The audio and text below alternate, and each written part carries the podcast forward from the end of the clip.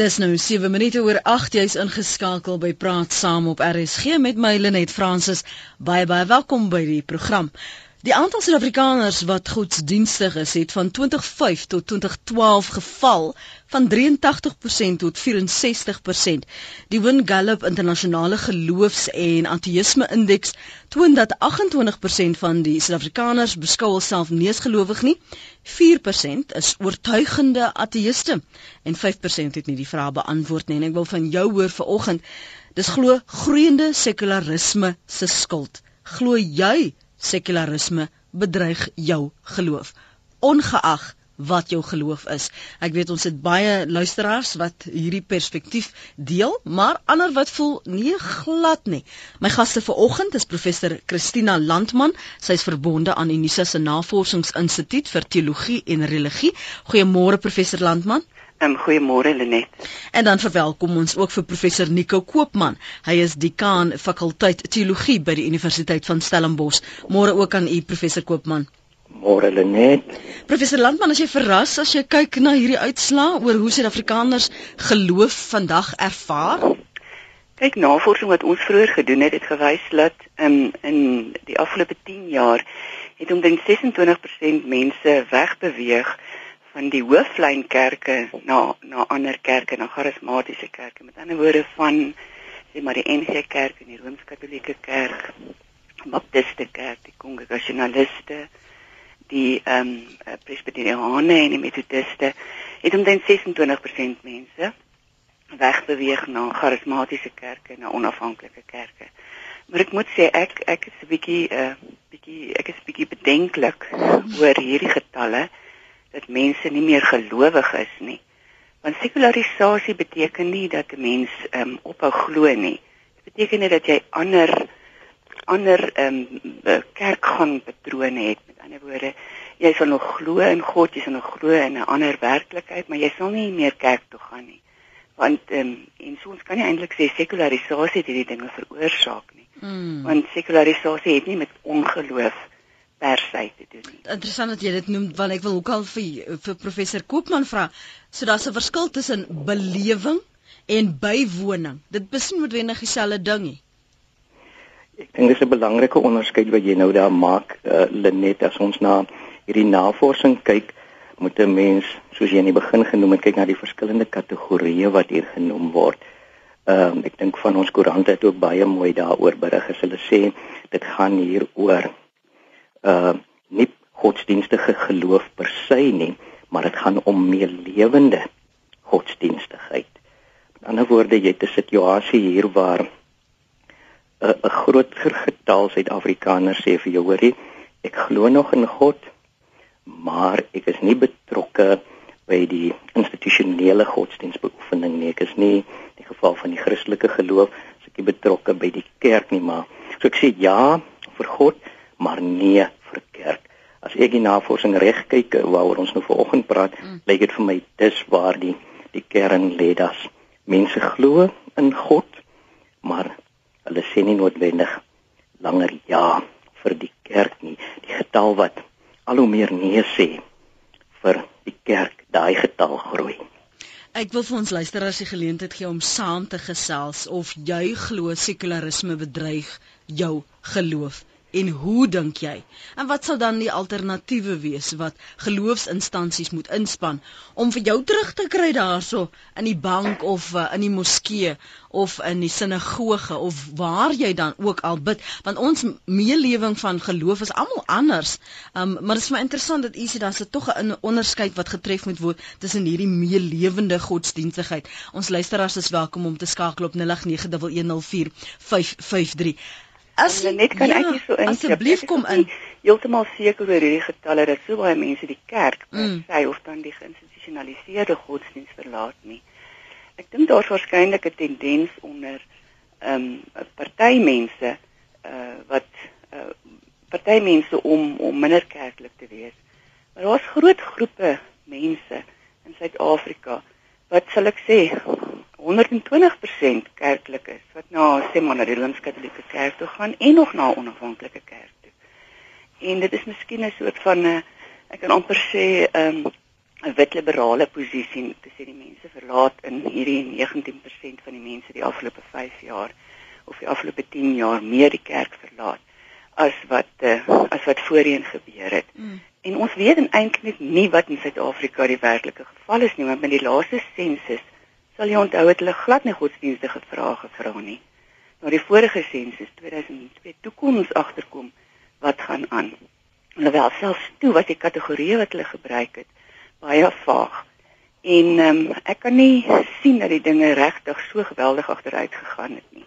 Hmm. Want dit is nie my ervaring wanneer ek sê maar in in townships en so werk nie. Daar is die mense meer as 100% in baie townships meer as 100% godsdienstig.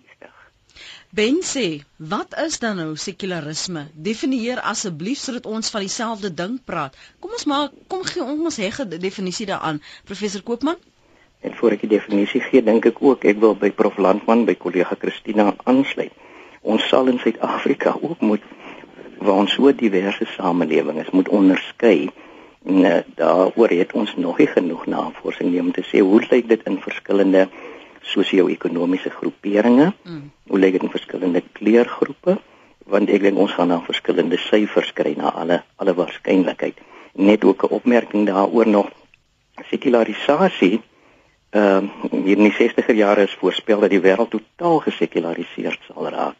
Maar wat gebeur het is dat mense groot sosioloë, godsdienstsosioloë wat gesê het sekularisasie sal toeneem, het hulle teorieë verander en besef nou godsdienstige geloof in verskillende forme groei reg oor die wêreld, selfs in voormalige uh hoogs gesekulariseerde lande of huidige hoogs gesekulariseerde lande. Maar wat bedoel ons met sekularisasie? Die woordjie uh, sekularisasie kom van die Latynse saculum wat letterlik beteken wêreld. So mense sê 'n letterlike vertaling is uh sekularisasie is verwêreldliking. Toegespits op ons gesprek kan ons sê sekularisasie verwys na die toenemende marginalisering. In sommige gevalle kan dit wees van die kerk of die moskee of die sinagoge, die marginalisering van uh, institusionele godsdiens en in die geval van ateïsme kan 'n mens self sê dit verwys na die marginalisering, die uitstoot, mm. die uiteindelike verwerping selfs dan van God. Kan kan ek dit vereenvoudig? En dan sê julle vir my of ek reg is as ek dit nou so aanname maak. Dis op 'n Saterdag aan gee jou lyf 'n lekker tyd en Sondag aan staan jy in die kerk en lig jou hande op en loof die Here. Ja, kan dit waarop dit neerkom? Ehm um, ja, ek dink so min of meer dat jy dit nou so 'n bietjie op op grondvlak daar uitgestippel. Ek dink sekularisasie behels, ek weet nie of dit iets wat dit beteken nie, maar dit mm. behels dat mense het nou 'n godsdienstige wêreldbeeld. Oorheers nie meer hulle hele wêreldbeeld nie. Mm. In die mm. ou tyd wanneer dit ook al was, het mense se godsdiens al hulle identiteite oorheers. Ehm um, maar nou met sekularisasie is daar baie meer 'n fragmentasie of in soos ons in Engels sê shifting identity mense het shifting identities. Mm. Soos jy sê, jy sal ehm um, uh jy sal werk toe gaan, dan werk jy hier in 'n tegnologiese en 'n modernistiese paradigma, dan gaan jy ehm um, weet dan dan dan gaan jy uh weer dan jou filosofiese denke is sê maar bietjie postmodernisties. En dan gaan jy Sondag kerk toe dan as jy nou weer premodernisties en glo jy nou weer sê maar God het die man gemaak om oor die vrou te heers en ehm um, dat uh, jy weet dan glo jy in die maaglike geboorte en jy glo dinge wat jy in en en vir vir daai rukkie. Mm. Maar daai goed oorhels behels nie meer um, oorheers nie meer die ander dinge wat jy lewe, ander uh, idees wat jy in jou kop het, die ander goed waarmee jy werk by jou werk die ander goed wat jy daagliks glo in jou gesprekke met ander mense, die manier waarop jy jou lewe inrig nie. Ek dink dit is min of meer wat sekularisasie mm. is. Maar dit beteken nie dat jy ophou glo noodwendig nie. Mm, mm. Dit is nie agodsdienstig of antigodsdienstig nie. Marianne sê ek dink mense is oorwerk en fokus op geld maak en self, maar wanneer hulle in die moeilikheid is, dan bel hulle die kerk en soek dan gebed. Ons praat en vra of sekularisme jou geloofs-oortuiging bedreig ongeag wat jou geloof is. Professor Nico Koopman het gesê ons moet kyk na die sosio-ekonomiese groeperinge. Gelukkig by Praat Saam sluit ons mos nou almal in en uh, kan jy vir my 'n SMS stuur na 3343. Dit kos jou R1.50 of bel ons op 0891104553. 553. Kom ons gesels met anoniem. Môre anoniem. Hallo môre. Môre. Môre. Ek is ek is ek is van ek is van Allewal Noord. Uh, maar ek wil ook maar net graag as ek mag iets sê. Ek ken vir professor Landman van Universiteit Unisa, maar die feit van die saak is net ons moenie so in die veroudering in lewe nie en allerlei uh, sieninge en professionele denke daaromtrent maak nie. Kyk, die ding is die Here sê ek maak alles nuut. So ek dink ons moet maar in die nuwigheid inbeweeg. Almal wat in die vernuwing in is, is Christene en ons wil meer weet en ons het meer al reeds uitgevind oor die jare. So ek dink die tradisie en die stelsel van dogmatiek in die voorvaderlike godsdienste is is, is in my oë ek meen dit is dit is verby, dit is uit. Ons beweeg, ons moet nou in die vernuwing inbeweeg. En en wat beteken vernuwing vir jou? Beteken vernuwing dat 'n mens nou enige is weg van die ouheid af. Weg van die ou dinge af, van die ou sieninge, die ou stelsels. OK. Goed. Ja, kyk die um... want die want die tegnologie en alles is nuut. So ons moet maar in in, in ons moet maar nie vashak en vasbly in die veroudering nie. Uh, Anoniem hou nie my aan Christina, wat jy wou sê? Ja, ek het, ek het jy self gedink aan die term emergence wat nou baie in in uh... Kan nie hoor nie.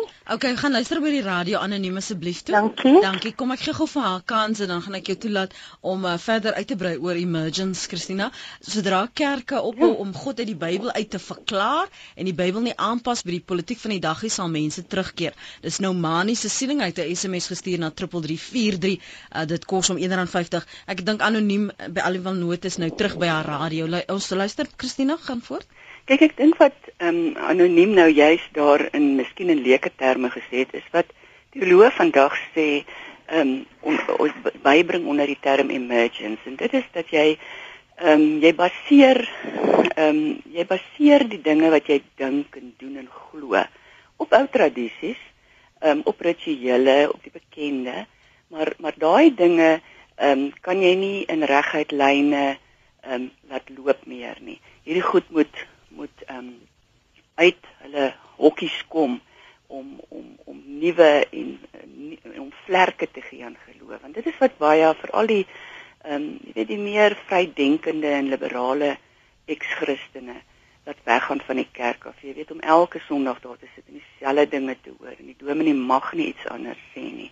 En die dominee mag nie die mense lei of saam met hulle 'n ander pad stap nie. Dit is wat mense van die kerk af wegge weggebring het maar emergence beteken dat 'n mens eintlik werk na 'n kontrakultuur toe. Met ander woorde dat jy um, mense begelei na 'n plek toe waar jy um, alles nie net so in oorsaak en gevolg sien nie maar dat jy kan wegbreek daaruit en nie na dinge kan kyk en kan sê soos byvoorbeeld in ons kerk om nou net 'n 'n klein voorbeeldjie te noem waar um, toe ek daar gekom het in hierdie gemeente gekom het. Dis vir ons glad nie. Ehm um, toe ek HIV counselling berading wou doen. Toe die mense gesê nee nee nee, dis nie kerk se werk nie. Mense doen nie dit nie. En nou is die kerk deel van hierdie proses. Nou is die kerk het hy nou 'n 'n religious health asset geword. Want daar is nie dokters nie. En daar is nie verpleegsters nie en daar's nie plekke vir mense wat siek word nie. Ehm um, dit is dit is nou 'n voorbeeld van emergency. Maar ons hou nog vas aan die ou rituele en aan hierdie geloofsgoed wat wat vir ons 'n identiteit gee as as 'n kerk. Maar ek dink hierdie dat 'n mens kan uh, nuut en vars dink en eintlik 'n kontrakultuur kan kan stig teenoor sê maar die korrupsie in die samelewing. Hmm. Teenoor die, die hopeloosheid van die samelewing. Maar sê jy meer is uh, die Engels praat van social consciousness, 'n meer sosiale gewete ontwikkel en die kerk of dan jou geloof as 'n um, 'n voertuig om daardie dinge aan te spreek. Ehm um, ek sou die social gospel dit was nou is nou al lankal in die in die lig en dit het al ehm um, baie mense begelei. Maar um, ek sou sê emergence beteken juis om van verskillende uh, vlakke waar vastigheid is dan na na die verbeelding en die nuwe te beweeg. Partyke behels dit nou hierdie sosiale ehm um, hierdie sosiale evangelie, hierdie uitreik na mekaar. Partyke behels dit dat mense nie sal dink oor sê maar ag, nou weer die voorbeeld van maagdelike geboorte. Miskien moet mense weer ehm um, en die Bybel op 'n nuwe manier lees. Ehm um, meer vanuit 'n sê maar 'n healing perspektief as uit 'n dogmatiese perspektief. Uh Nico Koopman sal vir ons sê hy is slim ou op daai gebied. Nico? Hy ja, weet jy nie, ek ek stem saam as ons moet praat oor uh, hoe gaan ons um positief hierdie ding positief dui en hoe gaan ons sien dat mense meer en meer lewend is? Dan dink ek gaan dit daaroor dat ons sê kom ons dink nie oor wat ons glo, kom ons dink net oor hoe ons leef.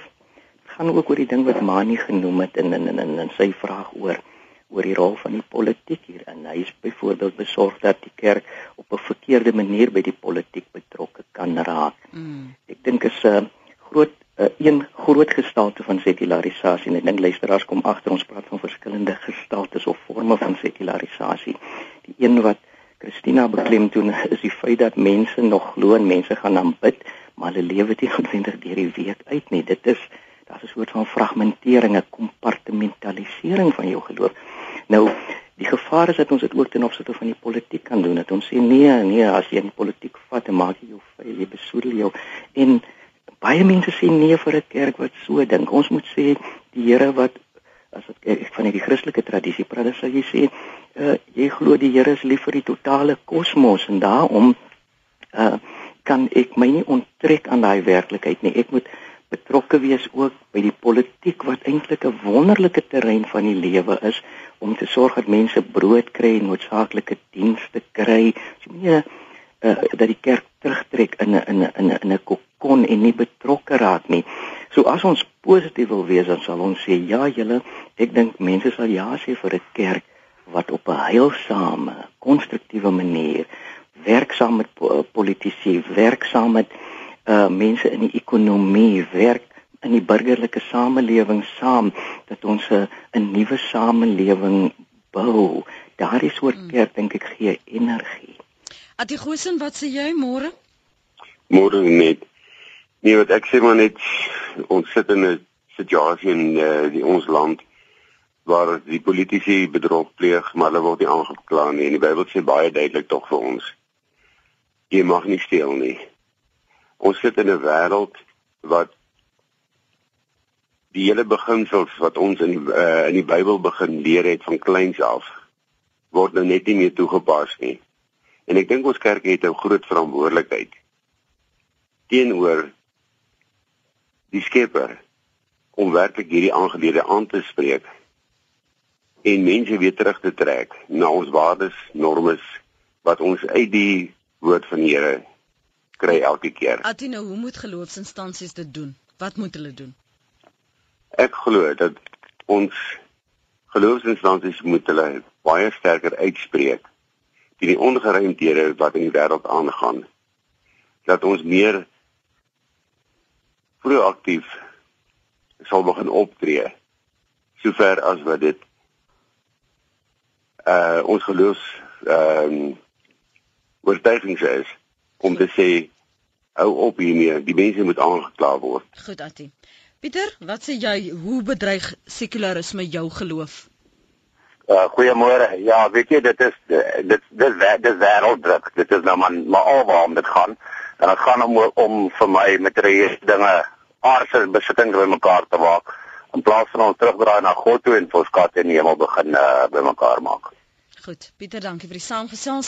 Dis 26 minute oor 8 kas sê geld het die kerk waarde verloor. Kerk is nie meer nodig op jou CV nie of om werk of 'n beurs of universiteitstoelating te kry nie. So hoekom kerk toe gaan? As jy praat van hierdie vernuwing, beteken dit die vernuwing moet die mark, die Ja, maar seker die gehoor, hoe sê die mark, die mark is 'n beter verwysing daarna as 'n mens nou so kyk na verbruikerskultuur. Jy moet die mark in gedagte hou as jy dan nou praat van vernuwing. Wie is jou audience? Wie is die gehoor wat jy wil trek, wat jy daar in die moskee wil sien? Moet 'n mens daaraan begin dink? Is hoe is dit hoe kerke of geloofsinstansies nou moet begine bemark, professor Koopman? Ek dink ons moet ehm uh, uh, besef dit is belangrik dat ons uh, 'n entrepreneursiese kultuur ontwikkel. Ons is in 'n land met soveel armoede, so ons moet werklik hard werk dat mense kan werk skep en nie net werk soek nie. En ek dink het ons ons sake lei ook so nodig en ons kundiges om ons daarmee te help. So daar's 'n kant waar waar dit belangrik is dat ons oor oor geld praat en oor ekonomiese groei. Maar ons moet waak teen die ekonomisering van die van die lewe. Ons moet waak teen 'n verbruikersmanie en en 'n en 'n gierigheid en ehm um, ons moet dat uh, regtig ons baie seker maak dat die logika van 'n lewe van eenvoud en 'n lewe van deel met mekaar uh, dat ons dit vestig in ons land. As ons nie gaan vir daai wonderlike formulering van Mahatma Gandhi live simply so that others may simply live vir daai soort van ethos nie dan gaan ons almekaar in die wêreld mense het wat te veel het en mense wat te min het. So nie ons moet op baie terrein betrokke raak maar ons moet werklik dat goeie gesonde beginsels van solidariteit, mededeelsaamheid en ubuntu uh ook ons ons wanneer ons praat oor kerk en ekonomie en kerk in die mark en uh, ook kyk na ons ons lidmate benader dat hierdie beginsels ons lei. Maar dit is ook interessant in hierdie navorsing word gespekuleer as van die kommentare op die navorsing waaroor ons nou vanmôre praat wat sê mm. daar is 'n verband tussen uh mense se sosio-ekonomiese posisie en mm. en uh die vlakke van betrokkenheid nog by, by ja. godsdienstige ja. geloof. Mm, so ek ek is daaroor ook huiwerig soos Christina vroeër ook huiwering uitgespreek het dat dit moet ons ook fyner toets. Daar's baie ryk mense wat ek ken wat baie toegewyde gelowiges is, maar ons moet die vraag vra uh, ons moet erken dat daar wel ook mense is na mate hulle ekonomies groei en bevry raak, word hulle vervreem van hulle breër familiekring en hulle word vervreem van geloofsgemeenskappe. Dit beteken nie hulle glo nie meer in God nie, maar daar is iets daarvoor uh, ook te sê en te ondersoek dink ek. Nelmer ja. Kruiwag gaan skryf gelowiges wil nou die navorsing se resultate en prosesse bevraagteken terwyl die dominos vir geloof vinnig omval. Skrik wakker en doen iets daaroor nou of jy gaan tydens die volgende navorsingssiklus nog groter persentasie mense kry wat ongelowig is. Doen navraag by die kerk hoeveel jong mense bly in die kerk na belydenisaflegging of nog meer realisties meet hoeveel jong mense sluit uit eie uit hul eie by 'n kerk aan. sien julle byvoorbeeld net op daai punt van jong mense wat byvoorbeeld sou aansluit formeel by 'n instansie of 'n geloofsinstansie dat daar tog jong mense is nog wat wat wel vrywillig daar kom en nie onderdruk is deur die familie of of 'n uh, een of ander ander instansie nie. Uh, ja, weet jy, ek is self in 'n in 'n gemeente wat baie arm is. Mm. En ehm um, wat ek daar sien is nie noodwendig geld nie noodwendig vir die vir die res van die wêreld nie. Maar daar het ons nou navorsing gedoen juis En ek moet sê ek het die oggend in die kerk afgekondig. Ons sal vir elke onderhoud wat ons doen met 'n jong mens sal ons R20 betaal en daar's soveel groot armoede dat dat dat jong mense het gewoon ure en ure in 'n ry gesit vir daardie R20. Sjoe. En wat ons toe um, en ons het hulle gevra uh, wat is hulle behoeftes en hoe sou die kerk dan kon voldoen want jy weet daar is net die kerk. Daar's nie daar's niks anders nie. Daar's nie maatskaplike werker of 'n dokter of 'n hospitaal of niks nie. Daar's net die kerk. So die kerk neem daai rol aan wat en dis seker die rede hoekom in in Engeland en in in in Holland en Nederland daai plekke die kerk eintlik um, glad nie meer vir jong mense sin maak nie want die kerk het nie meer nut nie. Die maatskaplike werk uh, werk het al daai uh, werk van die kerk oorgeneem. Maar in die gemeente waar ek is uh, moet die kerk homself alhoewel hy self baie arm is hierdie werk begin doen. En dit ons vir die uh, jong mense gevra wat is hulle behoeftes En hulle het gesê die eerste ding is hulle wil business skills leer. Hulle wil besigheidsvaardighede leer. Hulle wil hulle het matriek, maar hulle hulle kan daarna niks verder doen nie. En hulle wil besigheidsvaardighede, hulle hulle wil ook ehm um, verdere tersiêre opleiding hê en hulle het ook gesê hulle wil HIV, MSV mm. vaardighede ehm um, beradingsvaardighede hê omdat dit in daai gemeenskap is die HIV insidensie geweldig hoog. En hulle het na die kerk begin kyk daarvoor. En uh, ek moet sê in in daai gemeente is dit juis jong swart mans wat terugkom uh, kerk toe. Maar dit is miskien 'n uitsondering. Mm. Um, ek weet in baie gemeentes is dit juis uh, wanneer die persoon belydenis van geloof afgelê het, sien jy nie weer die persoon totdat hy miskien 10 jaar later sy kinders daar kom dood nie. En daarvoor is 'n spesiale strategie nodig en ek dink die kerk doen baie van dit sy opleiding om hierdie probleem aan te spreek. Maar dit is nog nie naaste by naaste by genoeg aangespreek in Suid-Afrika nie. Ons het ongelukkige kultuur uh, veral in partygemeenskap waar die ouer mense uh, verduur nie die jonger mense sê maar op die kerkraad nie. Hulle wil nie na hulle stemme luister nie. Daar's 'n vreeslike mens nou dag in 'n gemeente waar hierdie geweldige magstryd is in die jong mense en die ouer mense in die gemeente om laat geld. Ehm um, so ek dink dit is dit is 'n kreet ook van die jong mense om te sê maar hoor ons, hoor ons, hoor ons. Mhm, mhm. Ehm mm um, maar ek kan dis baie moeilik om algemene tendense te trek. Ek vertel net maar net ja. van hierdie een ehm um, uh, geval. Simon, jy's daar op Stellenbosch môre? Goeiemôre net. Jy het 'n baie interessante onderwerp vanoggend en twee interessante ehm um, mense wat bydraes lewer daar. Dankie. Ehm um, ons sit in 'n situasie, ek dink waar In die eerste plek wil ek dit noem. Al meer vra die mense na waar is die geloofsinstansies wat in die jare van apartheid uitgekom het. En ek dink hier aan die religious forum. Hmm. Hoekom is die kerkstelsel so stil rondom die hele kwessie van ekonomie? Ek bedoel jy het uh, geloofsinstellings waar daar korrupsie plaasvind, is nie bloot net in die regeringskringe nie. In die kerkstelsel daarom trend is nepotisme is aan die orde van die dag. Ehm um, ek glo dan dat uh, sekularisasie bepaal my geloof nie. Mense is up in arms oor die vakansiedag Hemelvaart weggeneem is. En laat ek vir jou sê skole maak toe op Hemelvaart. Maar die mense wat daar vir, vir, vir wie die skole toegemaak is, is hulle in aanbidding. Jy het nie 'n vakansiedag nodig om jou geloof te laat geld nie. Die laaste punt wat ek wil maak dink ek is om uh, net te sê dat ons ons ons ons moet in alles en met alles met ons hele lewe moet ons die Here kan loof. In alles wat ons eet, alles wat ons drink, alles wat ons doen, moet ons die Here kan loof. As iemand wat gesê het by geleentheid en gepraat van die iemand wat nou gepraat het rondom die ja ons het ook daai verskille in die kerk van die jonger groep en die ouer groep. Dit gaan oor musiek, dit gaan hier ons stem word nie gehoor nie. Iemand het by geleentheid gesê dit vat 10 jaar om net 'n doopvond in 'n kerk te skuif. Net daai verandering. Nee, dit is nie 'n goeie voorbeeld. En ons is nog baie gebaseer op die die Grieks filosofiese denke van die dualisme en in, in daardie wil ek met Nico saamstem dat ons deel nog ons lewe in kompartemente.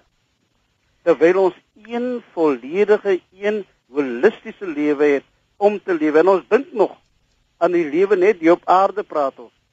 Ek verstaan die lewe as 'n voortsetting. Die Paulus praat van die aardse tending wat afgebreek word, maar daar's jy het een volledige lewe wat jy lei. Nou, hoe, nou nou hoe stel jy voor as jy dan nou as 'n geloofsinstansie jou volgelinge wil teruglok, waarna moet jy begine kyk? Ek ek ek ek dink wat baie belangrik gaan wees is en ek dink wat die vorige spreker gesê het in terme van jou van jou jeug, jou jonger mense.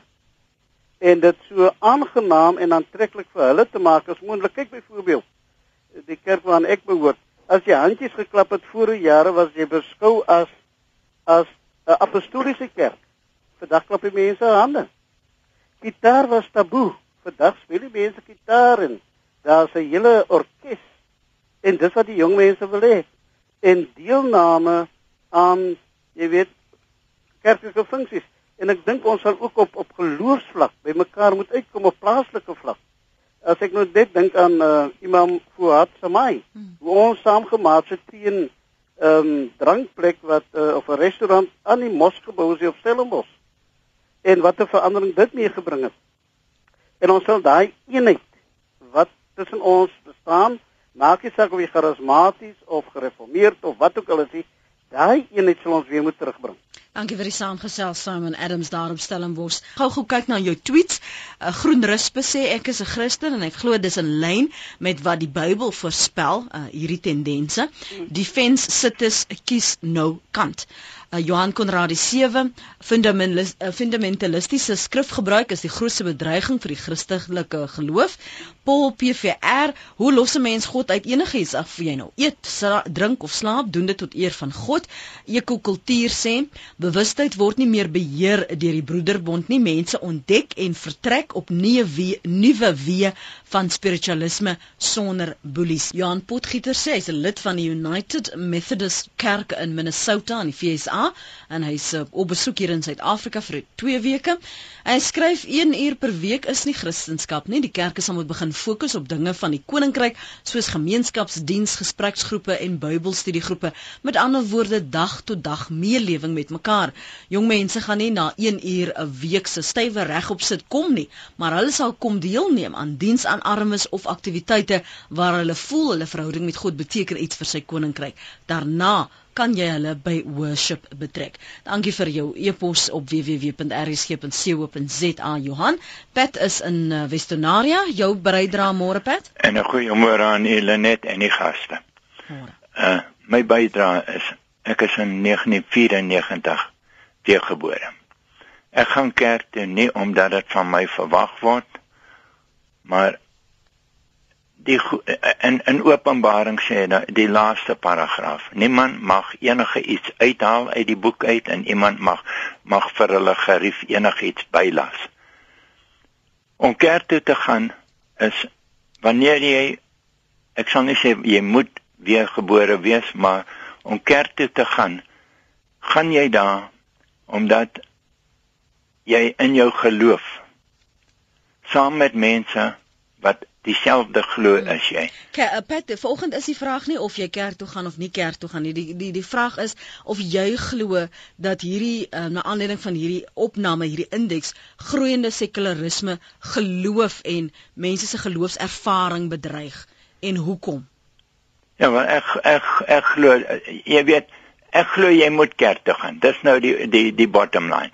Maar daar is so baie dinge wat jou wil wegtrek van die kerk af. As jy jou gaan toelaat dat enige iets 'n verskoning is wat jy kan gebruik, die dominee praat nie reg of die mense se kinne of die kerk is te klein of die die die die, die orkes voor lawaai te veel of wat moenie 'n rede soek om weg te bly van die kerk. Dit is wat ek sê.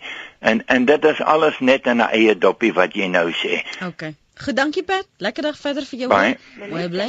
Ja, asseblief, Christina, kom aan. Hier inkom. Mm. Net net hoe jy die tweets gelees het, het was daar nogal heelwat verwysings na die ehm um, na eko sake. Mm. En ek wonder of ek dit miskien as 'n voorbeeld kan noem van van van die kerk se emerging uh, rol of 'n ander rol vir die kerk. Byvoorbeeld volhoubaarheid en die onderhouding van die van die natuur en die agteruitgang van die aarde as gevolg van menslike uh, slegte menslike gedrag.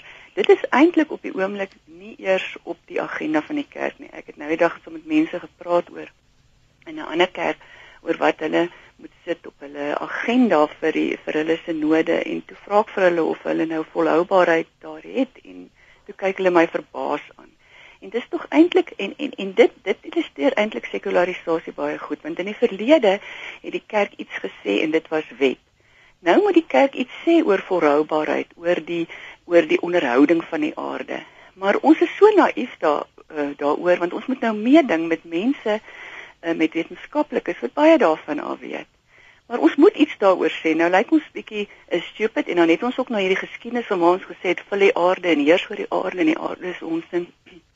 So ons moet luister en ons moet onsself opvoed en inlig en ook met die inheemse wyshede van die Bybel kom en sê maar weet jy hier hier het ons nou 'n soort van 'n sustainable management plan vir ons gemeente. En dit is wat ons gaan doen. En dit is wat ons um, ook in die breër samelewing ons stem gaan laat hoor. Net soos oor ekonomie en sulke mm. dinge. Dit sou 'n voorbeeld kan wees van waar die kerk nuut en vars dink, waar hy 'n bydrae op burgerlike vlak op die hele samelewing kan lewer en waar hy homself moet inlig Want jy weet ek uh, skaam my partykeer as ek goed lees wat teoloë skrywe oor volhoubaarheid en uh, dit dit is glad nie op dieselfde vlak as wat ander wetenskaplikes daaroor praat nie. Dis maar net my voorbeeld. Dr. Chris is in Pretoria, welkom. Wat is jou bydrae? Môre net baie dankie. Ek dink nie daar's enige groeiende sekularisme of enigiets wat my geloof kan bedreig nie, want dis my verantwoordelikheid. Jy sien, uh God wil sy koninkryk op aarde dupliseer, soos in die hemel, so op die aarde. Hy hy kies om dit te doen deur jou en my, deur die mens. Uh eers stuur hy die, eerste mens Adam, hy laat die stokkie val, daarna stuur hy sy seun, hy leer vir 12 mense. Uh en hy sê gaan dan nou heen en gaan leer die mense van wat my koninkryk is. Hy kolonialiseer soos wat Brittanje, Frankryk, Portugal almal die wêreld gekoloniseer het, so kolonialiseer hy die aarde. Hy maak dit sy kolonie. Kom, kom, kom. Hy vat sy ambassadeurs, hy vat sy ambassadeurs vir jou en vir my en hy sê gaan en gaan heers nou. Maar ongelukkig toe vat die mens, hy maak geboue, sit torings op, sit Petrus se handboe op en hy sê uh nou nou moet ons weer by Moses gaan luister. En ek ek kraak glad nie die kerk af hoe genaamd nie. Ek sê net maar ons het ons eie verantwoordelikheid geabdikeer aan 'n instansie uh en ons het nooit daai verantwoordelikheid opgeneem. So dit het niks te doen met groeiende sekularisme nie. Dis jou keuses wat in die pad staan Correct. van jou vooruitgang of jou agteruitgang wat betref geloof. Ja, dit korrek. Is... My geloof is my verantwoordelikheid en hy's opgeteken in die Bybel en nou kies ek ook en daar's nou baie wat uh, daarteen kies om die Bybel eenkant toe te gooi. As dit dan so is, dan dit reg, maar plaas net iets in die plek daarvan. Goed, Chris, dankie vir die saamgesels. Christina, jy wil uh, iets sê? Ja, ek dink die die meneer het dit nou baie goed gestel. Dis die kerk het 'n heilsgeskiedenis, ehm um, wat mens sou seker kon aantoon, maar die kerk het ook 'n onheilsgeskiedenis. En dit is nou juis nou die uitdaging van die kerk om um, om om 'n om 'n heilsame en 'n gesonde um, alternatief te kom vir al die onheil wat aan die kerk toegeskryf word om te sê maar hierdie is die pad vorentoe en hier kan ons saam met die in 'n sekulêre wêreld 'n bydrae lewer wat um, vir mense sin maak wat nie ehm um, um, stupid en dom is en uh, wat wys dat ons um, ingelig is oor die uitdagings van die moderne en ook die postmoderne samelewing en denke nie. Dis die uitdaging van die kerk en ek weet nie of ons daarin slaag nie want ehm um, die kerk word self deur sy deur sy eie onheilsgeskiedenis afgerem en ook deur 'n miskien 'n ouer of 'n meer behoudende groep is nie net ouer mense wat behoudend is nie. Daar's 'n daar's ook 'n groep jong mense wat aan die aan die opkom is wat baie fundamentalisties is. En die as die kerk daardie uh, gesonde rol kan speel in 'n sekulêre samelewing dan is dit van mm dit as ons net so kan aanbeweeg voor groetheid dat ek na ander aspekte van hierdie gesprek aanbeweeg. Dit klink vir my professor Nico Koopman dat die relevantie van hierdie geloofsinstansies in die wêreld het verander. En aandien jy dit nie besef nie en nie deel word daarvan of 'n nuwe rol dan vir jouself skep en vir jou gemeente skep nie of jou volgelinge dan nie, dan gaan jy meer en meer mense vervreem. Ja, ek dink Johan Konradi eh, wat vroeër ook deelgeneem het nou een van die luisteraars het verwys na 'n fundamentalistiese lees van die Bybel. Ek het dit geïnterpreteer as uh, uit 'n weerstand teen anti-intellektualisme dat ons nie meer probeer om die Here wat ons dien met ons hele verstand ook lief te hê. Ons moet ons moet goeie sosiale analises doen. Ons moet kyk wat beskuif is in die samelewing en die gang teoloë en predikante doen baie harde werk hier en ons moet in gemeentes gespreksforums hê in moskeeë en sinagoges en ehm uh, dink oor hoe die samelewing verander en en wat is die behoeftes van hierdie samelewing. Nog iets wat vir my baie mooi was van een van die luisteraars is uh, die een met die naam Eko iets wat gesê het ons het nie 'n plek vir boelies nie. Ek dink dit is baie belangrik dat mense in geloofsgemeenskappe moet ervaar maar ons word nie geboelie nie ons word met respek en menswaardigheid behandel en ons mag verskil ook en ons kan vra eh, waar ons nie verstaan nie en ons kan ons siening lig so ons moet sulke ruimte skep waar daar nie meer 'n ethos van polieskap is nie ek het dit baie waardeer hmm. en dan ook uh, uh net dit van ons kollegas uh, so Simon Adams kollega Simon aanstel en bos saam met Johan Potgieter vir ons weer sterk gesê julle ons moet teenwoordig wees by mense in in hulle nood en in hulle lyding en uh so ek stem saam met die idee dat ons moet ons moet beweeg, ons moet nuut kyk. Ek hou baie van Piet se idee ook ons moet besef die kerk is nie 'n volmaakte orgaan nie. Geen godsdienstige instelling is volmaak nie. Die die die God wat ons dien is is volmaak, maar ons moet ook besef daar is gebreke en en en as ons deelneem aan godsdienstige aktiwiteite besef ons het ook maar hier te doen met met mense. So die idee van atiese selfkritiek wat hy vroeër genoem het is dan belangrik en 'n kerk wat selfkritiek kan lewer is ook 'n kerk waar die stemme stil gaan wees oor dit wat in die samelewing verkeerd gaan nie. En ons het gehoor soveel luisteraars vra dat ons ook helder stemme van die kerk moet hoor en van ander godsdienstige groeperinge. Hier baie SMS'e wat verwys na die kerk vra geld of die kerk is net 'n besigheid. En ek wil graag weet nou as die kerk dan relevant moet wees of moet oorleef, moet die kerk iewers geld kry om die dinge wat hulle wil doen in die marke, die die die die gehoor wat hulle wil trek in die mark wat hulle wil aanspreek, moet tog uh, het hulle geld nodig. Hoekom is dit dan nou so verkeerd en ek gaan nou verkeerd maar in aanhalingstekens plaas as hulle dieselfde soort houding bemarkingskultuur erwe wat in elk geval in 'n besigheidsstruktuur werk. Christina, wat staan nou fout om geld te vra? Ja, kyk, ek het geld nodig, maar ek het nou die dag het 'n vergadering opgestaan te sê ek ek gaan nou loop en ons praat net heeltyd oor geld.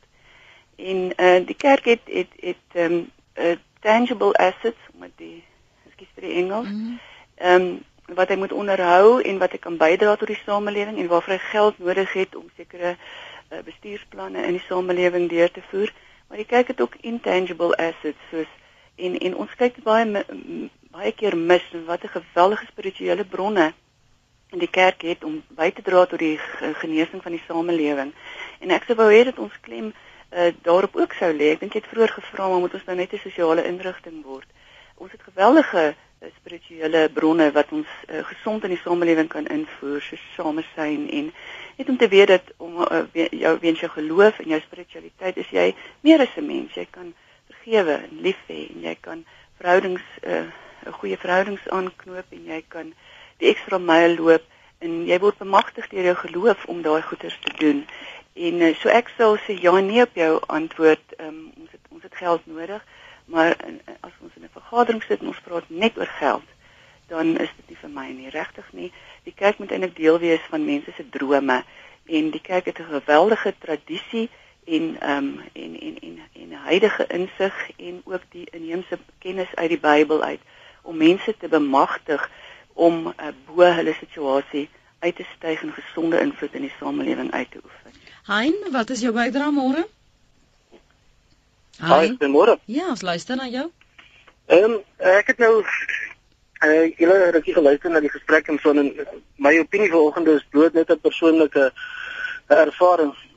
Daar's 'n uh, een van my groot redes eh uh, hoekom ek sien van my kant af dat ehm um, mense minder kerk toe gaan is ek ervaar dat daar word te veel gefokus op op religie, op religion in steede van faith. Dit is amper asof die kerke sig verloor het van geloof ehm um, en teen mekaar beklei om voete in hulle kerke te kry. Ehm um, en om 'n om 'n voorbeeld daarvan te maak is ek praat ook altyd van die verskil tussen God gegeewe reëls en, die menslike gegeewe reëls.